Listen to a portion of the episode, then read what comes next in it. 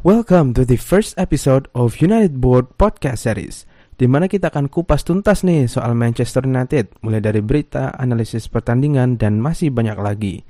Sesuai dengan tema kita di episode kali ini, kita akan bahas nih soal sebenarnya Van de Beek ini salah posisi apa enggak sih di United. Stay tuned. Hunting hungrily. Greenwood.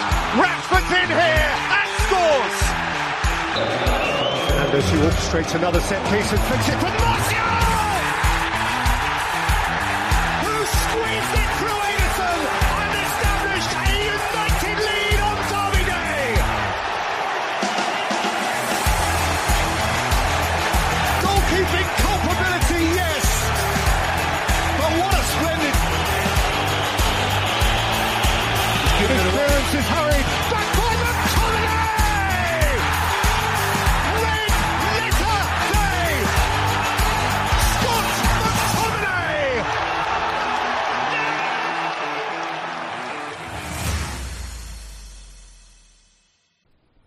Tepat satu hari lalu, eh, Manchester United bertemu eh, Watford di kompetisi tertua Inggris ya, eh, kompetisi tertua di tanah Inggris, FA Cup.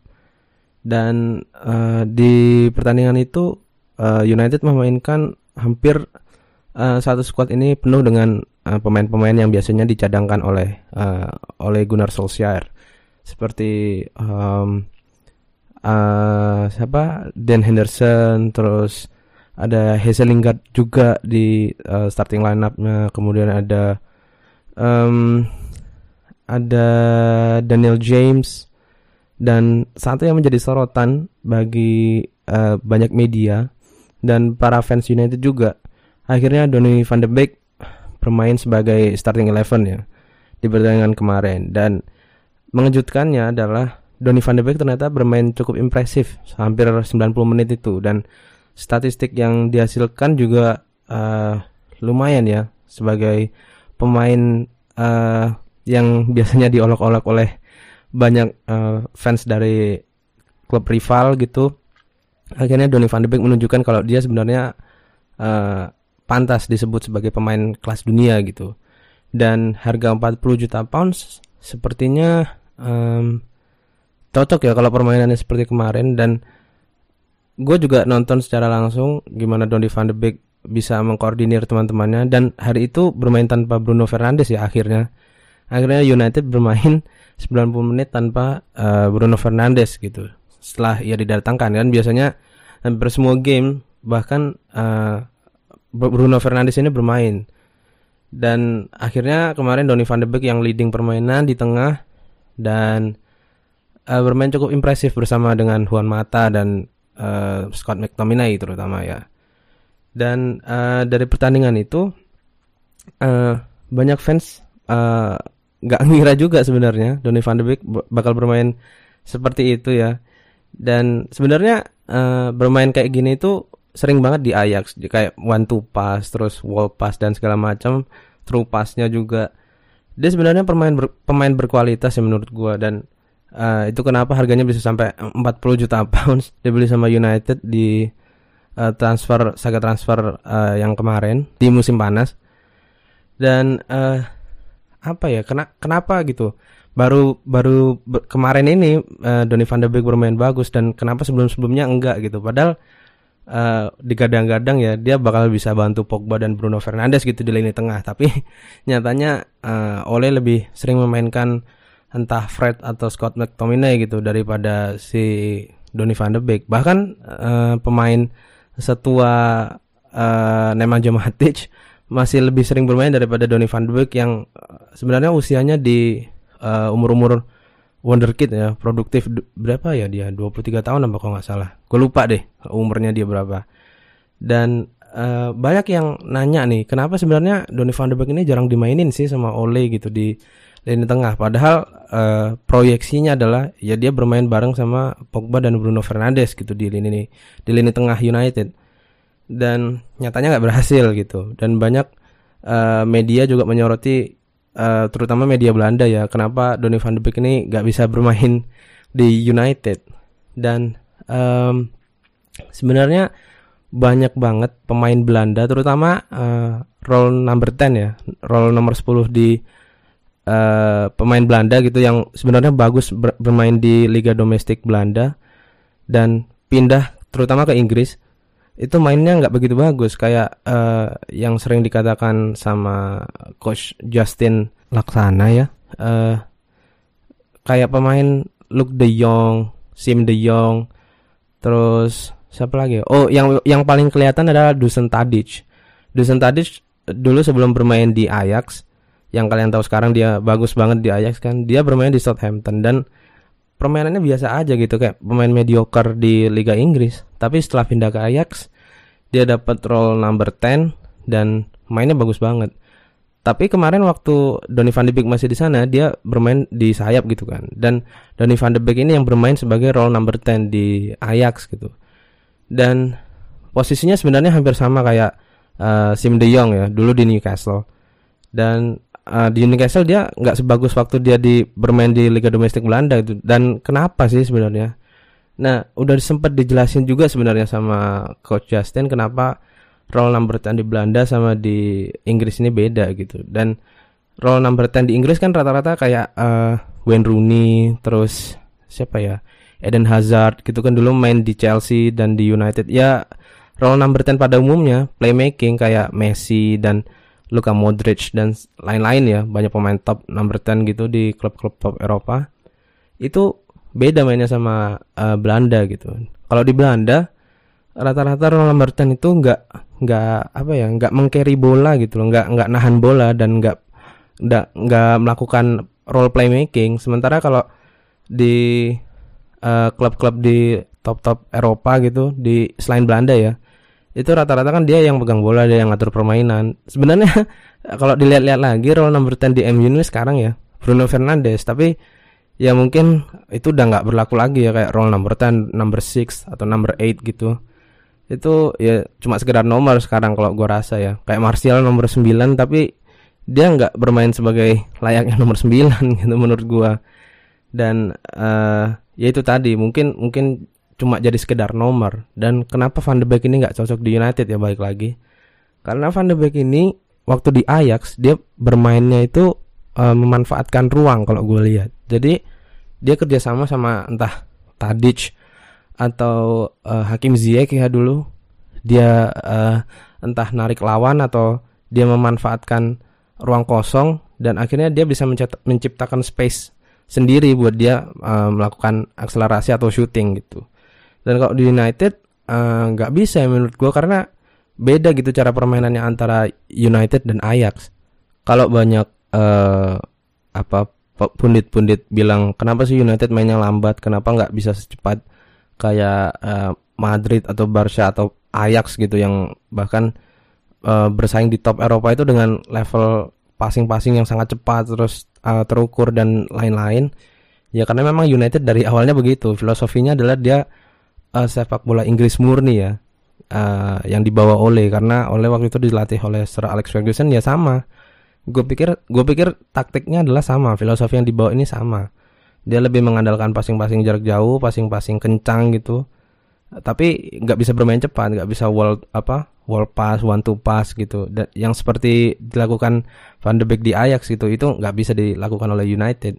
Dan kalau uh, Donny Van de Beek masih menerapkan cara bermain yang sama seperti di Ajax di United, ya jelas nggak bisa, jelas nggak bisa nyatu lah permainannya karena United biasa bermain lambat, sedangkan uh, Van de Beek biasanya berperan sebagai wall pass itu tadi uh, bermain one to pass sama Hakim Ziyech atau Dusan Tadic dan lain-lain ya pemain yang dulu di Ajax waktu Ajax akhirnya bisa sampai di semifinal uh, Champions League dan kalah lawan Tottenham uh, itu gaya permainannya Van de Beek sementara kalau di United uh, apa ya dia diposisikan sebenarnya sebagai nomor 6 sih menurut gua karena yang bi bisa mengcarry bola kan si uh, Bruno dan si Pogba ya di lini tengah. Itu kalau mereka bertiga main ya. Dan karena biasanya yang bermain di starting kan si Scott McTominay, terus Fred dan uh, Bruno Fernandes. Si McTominay sama si siapa Fred itu berperan sebagai sweeper gitu yang mengclearance bola Sementara si uh, Bruno Fernandes membantu uh, lini depan United si siapa? Uh, Rashford, Martial atau Greenwood ketika bermain ya. Nah, si Van de Beek ini jadi kayak harusnya gue bermain kayak apa nih di United karena uh, si posisi 8 udah diambil Pogba, si nomor 10 udah dipegang sama si uh, Bruno Fernandes dan kalaupun dia ikut nyerang kan United nggak bisa bertahan dengan empat orang aja ya. Kita tahu sendiri kualitas backnya United ini kan ancur-ancuran ya kemarin. Si apa Maguire gagal clearance bola atau salah antisipasi bola si Lindelof telat ngecover dan lain-lain lah. Nah uh, karena tipenya dia sangat menyerang jadi Ole ini nggak pernah memainkan uh, Van de Beek, Pogba dan Bruno Fernandes ini berbarengan. Karena maksudnya ya United nggak punya gelandang bertahan lagi kalau misalkan mereka bertiga main.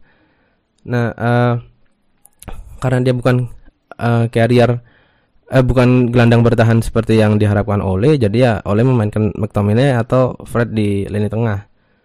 Dan uh, apa ya? Karena ruang dia memanfaatkan ruang kosong, jadi dia kayak nunggu bola aja gitu, nunggu bola di passing.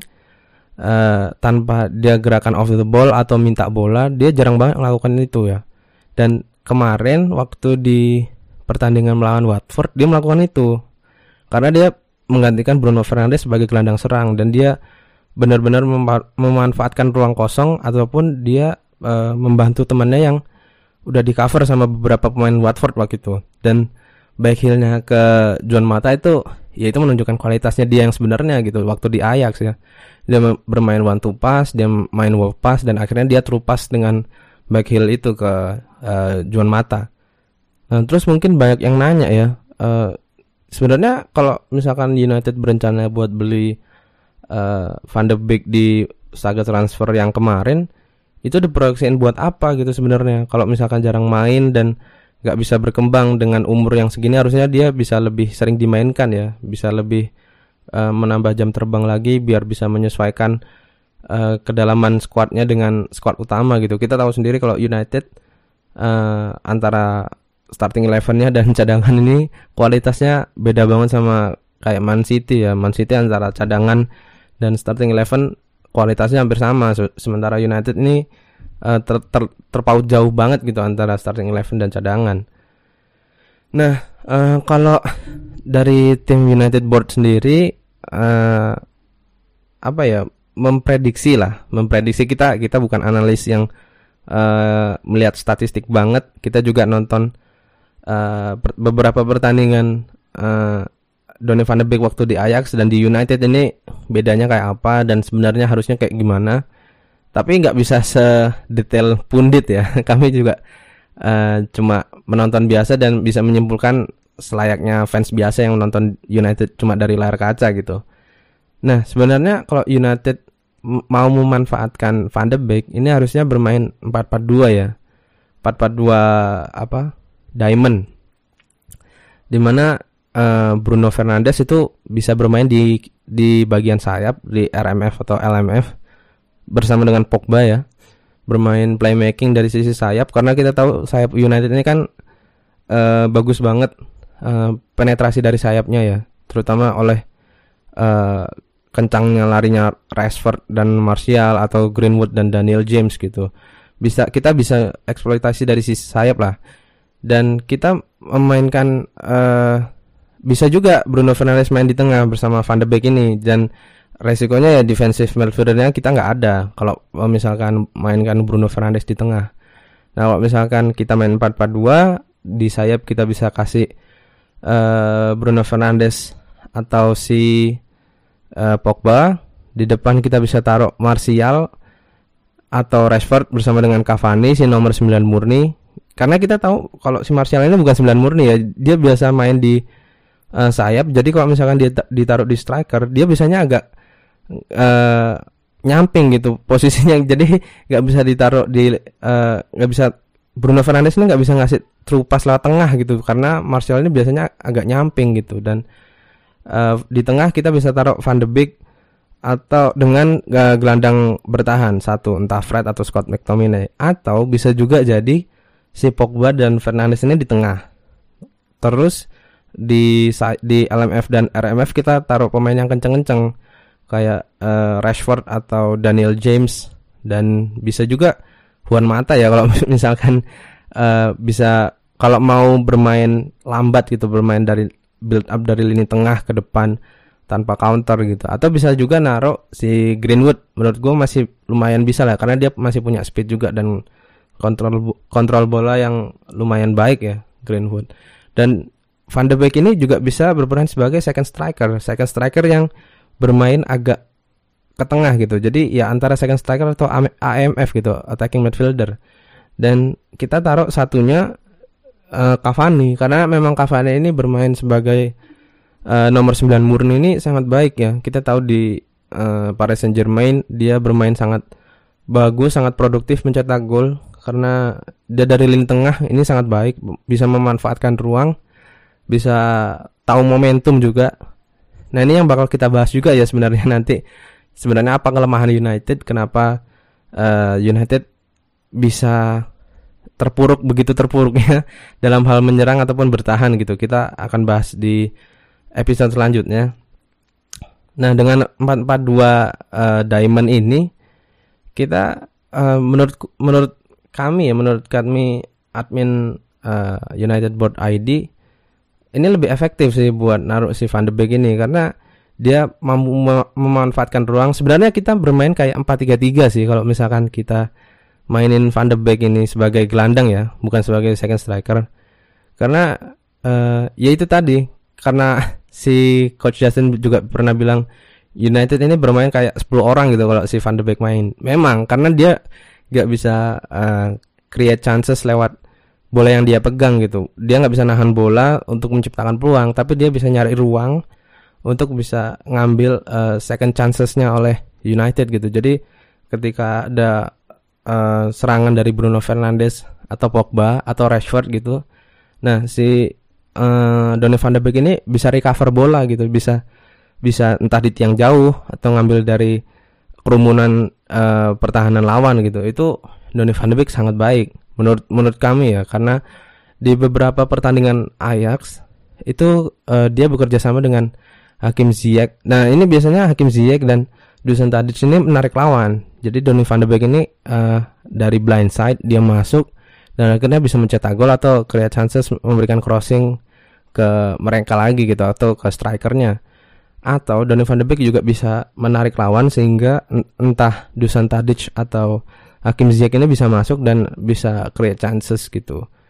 Dan itu sih menurut kami kenapa Donny van de Beek kurang cocok main di United. Ya sebenarnya masih 50-50 lah ya. Eh, peluang dia bisa bermain bagus di United atau tidak gitu. Karena nggak sedikit juga pundit di luar yang mengatakan sebenarnya Donny van de Beek ini bisa main kok di United. Dia perlu jam terbang juga biar bisa menyesuaikan dengan cara bermainnya United di lapangan gitu dengan bola-bola lambat sehingga dia bisa bermain, bermain sebagai pemain top lagi gitu karena ya agak sayang juga kalau nggak memanfaatkan pemain dengan 40 juta pounds ya yang udah kemarin dibeli sama United masa nggak dimainin dan cuma jadi bench warmer gitu kan sayang banget. Dan soal transfer-transfer United mungkin kita bahas juga di eh, episode-episode selanjutnya. Karena menurut kita nggak United nggak bakal fokus di eh, transfer window di musim dingin ini ya karena sesuai pengalaman kita membeli Alexis Sanchez dengan gaji yang mahal dengan uang yang banyak tapi nggak berhasil juga. Jadi menurut kami United nggak bakal eh, banyak banyak banyak belilah di saga transfer di musim dingin ini karena nggak bisa preseason juga kan. Kecuali kalau kita misalkan beli di eh, musim panas gitu kan masih ada preseason masih bisa nyoba-nyoba pemain lah gitu dan eh, mungkin sekian dulu dari kita ya analisis soal kenapa Van de Beek eh, jarang main di United dan sebenarnya Do- Donny Van de Beek ini salah posisi nggak sih? Nah kesimpulannya Donny Van de Beek ini sebenarnya eh, kalau bermain di posisi 6 jelas salah karena dia nggak bisa clearance bola, nggak bagus di pertahanan juga. Jadi dia mungkin lebih ke posisi 10 yang eh, free roll nggak bermain apa ya? Dia bermain fleksibel sih sebenarnya kalau di posisi 10 atau dia bermain di second striker sih menurut gua. Itu lebih bagus daripada dia bermain di nomor 6. Dan kalau bermain di posisi 10 menurut ya sesuai dengan filosofi Ole bakal lebih cocok dengan Bruno Fernandes sih menurut sebenarnya. Atau dia juga bisa bermain di LMF sih. Uh, kita belum pernah lihat Donny van de Beek main di LMF karena uh, mungkin lebih mengutamakan counter ya dan si van de Beek ini juga jarang banget uh, memanfaatkan counter bola-bola counter gitu. Dan satu-satunya itu gol waktu lawan apa ya itu yang si Rashford ngegol itu. Gue lupa. Pokoknya dia pernah kasih terupas juga ke Juan Mata terus Juan Mata kasih long ball ke depan dan akhirnya dimanfaatkan. Oh golnya Bruno Fernandes. Golnya Bruno Fernandes waktu lawan Newcastle. Itu juga dia bermain di kiri kan terakhir-terakhir sebagai uh, pemain cadangan gitu yang masuk. Dia memberikan terupas yang sangat baik ke Juan Mata dan ya kita tahu kualitas Juan Mata ya. Akhirnya dia bisa kasih bola ke Rashford. Terus dari blind side Bruno Fernandes masuk dikasih Bruno Fernandes dan gol bagus tercipta. Dan sekian dulu analisis soal Donny van de Beek dari United Board ID thank you for joining us and see you in the next episode. Hunting hungrily. Greenwood Rashford's in here and scores. Fernandes who orchestrates another set piece and flicks it for Martial!